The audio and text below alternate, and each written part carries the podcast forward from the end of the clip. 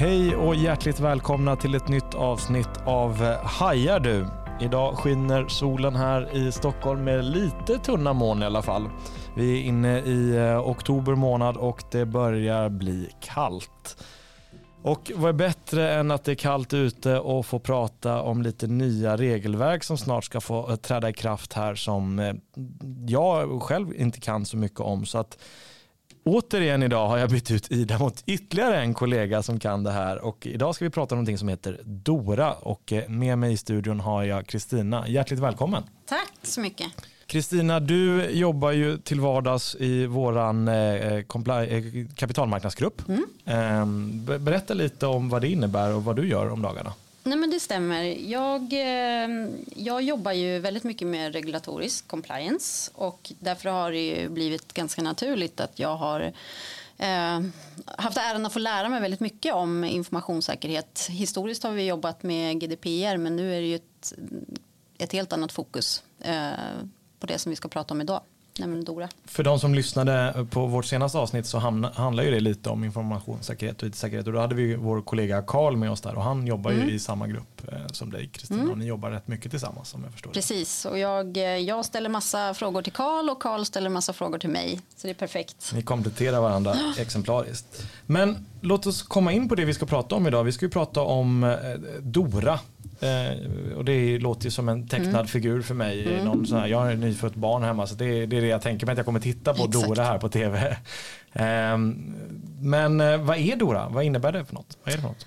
Dora står för eh, digital operativ motståndskraft inom den finansiella sektorn. Och det handlar helt enkelt om eh, informationssäkerhet. Åtgärder du ska vidta för att upprätthålla motståndskraft inom den finansiella sektorn. Vad innebär motståndskraft? Nej, men det handlar om det man har sett det, det är en ökad digitalisering. Det har nog alla vi konsumenter som använder någon typ av tjänst inom bank och finans har ju märkt att digitaliseringen ökar. Sammanlänkning mellan eh, system ökar också och i och med det här så ökar ju incident risken för att det sker incidenter.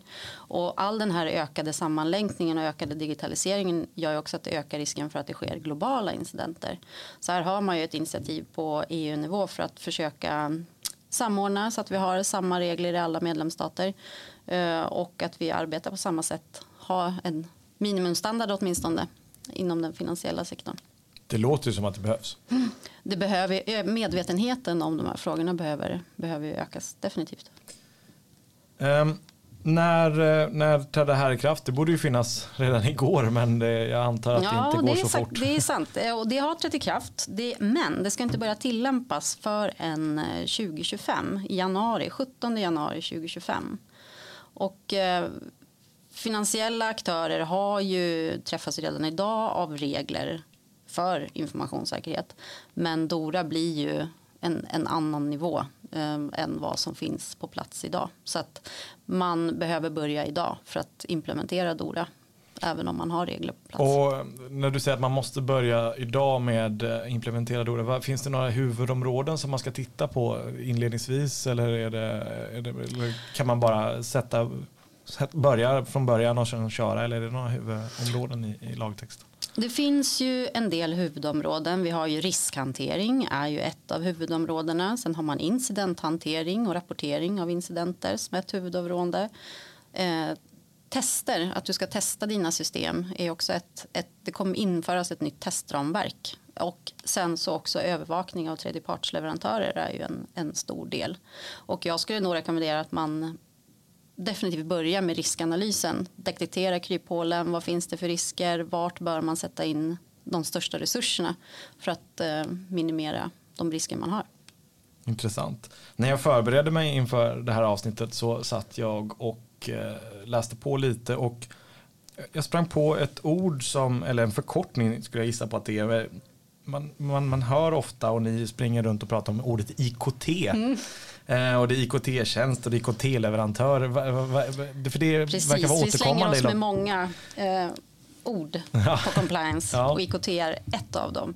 Det står för informations och kommunikationsteknik. Okay. En IKT-tillgång är en programvaru eller maskinvarutillgång i nätverk och informationssystem som man använder inom den finansiella sektorn. Och sen har man IKT-tjänster som man pratar om. Och det är tjänster som tillhandahålls fortlöpande information och kommunikationstjänster då alltså. Och eh, det enda man utesluter och begränsar i kategorin av det är analoga telefonitjänster. Mm. Inte en IKT-tjänst, men resten är i stort sett IKT-tjänster. Så om jag då har förstått det här i min oerhört översiktliga genomgång av Dora här så jag som finansiell aktör har IKT-avtal med IKT-leverantörer, vad måste jag mm. tänka på då? Hur påverkar det mig egentligen? Jo, men det kommer påverka eh, relationen mellan IKT-leverantören och den finansiella aktören. Det kommer, eh, man behöver sätta sig ner och titta på hur avtalen ser ut. Det finns konkreta mm, krav på hur, vilka villkor du vill ha in i de här avtalen. Vi ska inte gå in på det idag. Men det jag skulle vilja skicka med är väl i så fall att börja titta på det redan nu. Dels identifiera vilka avtal du har. Eh, och sen titta på om, om det avtalet du har är en sån här eh, kritisk och viktig leverantör som man pratar om inom den finansiella sektorn och sån typ av avtal som du anmäler till Finansinspektionen. För då ställs det ännu högre krav på vilka villkor du behöver ha med i ditt avtal. Och det här tar det tar tid. Eh, dels behöver du identifiera eh, vad du behöver förändra i avtalet. Sen måste du kommunicera det med din motpart och sen ehm, revidera avtalet och få det påkritat. Och det, det kan ta väldigt lång tid. Vi har varit med eh, om ett fall där det har tagit ett år. Oj då, ja, det är lång tid. när de här EIOPAS riktlinjer för IKT infördes, mm. då ställde man krav på, på avtalen. Mm. Och um, där fick vi uppleva att, att det tar tid. Och det som är problemet är att Eh, leverantören av de här tjänsterna eh, har inte samma kunskap kanske och kompetens kring hur de finansiella aktörerna, vilken typ av regelverk de träffas av och varför man behöver få in de här villkoren, varför det är så viktigt för dem. Men liksom den här förståelsen att det är tillståndspliktiga bolag, alla finansiella aktörer och därför behöver, det, eh, behöver man få till de här villkoren för att det, det är hårda krav på det. Mm. Och det har vi fått liksom förklara för flera. Men det, det, det, låter ju som att det här, måste man, det här arbetet bör ju börja, man bör börja med det mm. snarast mm. möjligt egentligen. Det, Absolut, det, det, det finns ingen anledning att, att, vänta utan det låter som att det kan vara ett rätt omfattande jobb man behöver mm. göra. Mm.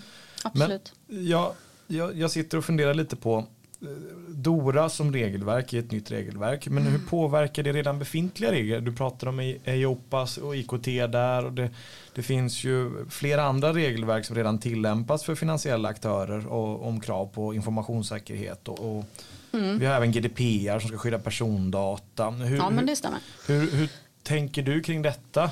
Nej, men jag tror, det är väl min, min spaning, eh, men är väl att man kommer väl kanske behöva se över de, de liksom riktlinjer som har kommit på EU-nivå. För det är också på, på nivå riktlinjer att det är eh, regler som är följ eller förklara. Det vill säga att du, du kan undvika att tillämpa alla riktlinjer men då måste du ha en väldigt bra förklaring till varför du inte följer vissa eh, guidelines.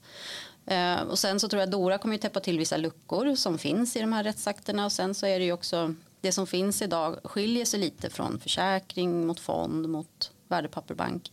Nu så får du en enhetlig reglering. Det är samma regler som kommer gälla för alla finansiella aktörer. Och det ska man också säga, du nämnde GDPR. Eh, det fokuserar ju på, på att skydda persondata. Här så har vi ju ett regelverk nu med DORA. Det är åtgärder för att hantera risker som hotar säkerhet i nätverk och informationssystem som innehåller persondata men inte bara persondata nödvändigtvis utan det är ju, här pratar vi all data när vi eh, pratar om DORA. Så att du nämnde inledningsvis nämnde du ju att man, eh, man, man kan stöta på det här. Det här kommer påverka egentligen all, all digitalisering av, av finansiella sektorn. Eh, hur påverkas jag som, eh, som konsument av det här? Kommer jag märka någon skillnad? Du som konsument kommer ju inte påverkas av Dora i någon större omfattning. Eh, det jag tänker eh, kanske kan bli en positiv effekt av Dora. Det är ju du och jag, alla har ju en, en, en kontakt hos en bank kanske, ett bankkort, du har bank-id. Eh, förhoppningsvis så kanske vi märker att det är färre driftstörningar. sker det driftstörningar så kan man åtgärda dem väl snabbare kanske förhoppningsvis. Så jag tror att du som konsument kommer nog bara påverkas positivt av att förhoppningsvis att det är mycket, mycket färre incidenter hos de finansiella aktörerna. Det låter ju rätt skönt. Mm. Annars är ju BankID det är ju också drivet av, av lagstiftning men det är ingenting som Dora påverkar specifikt här. Nej men för det, det, det känns tryggt att veta mm. att det också är tryggt. Att den datan också är skyddad. För att någonstans så märker vi mer och mer. Jag och Carl pratade om det i senaste avsnittet vi hade mm. här på podden om alla hackerattacker och sånt mm. som dyker upp och det blir vanligare och vanligare. Data som är det nya guldet. Ja, mm. precis. Mm. Mm.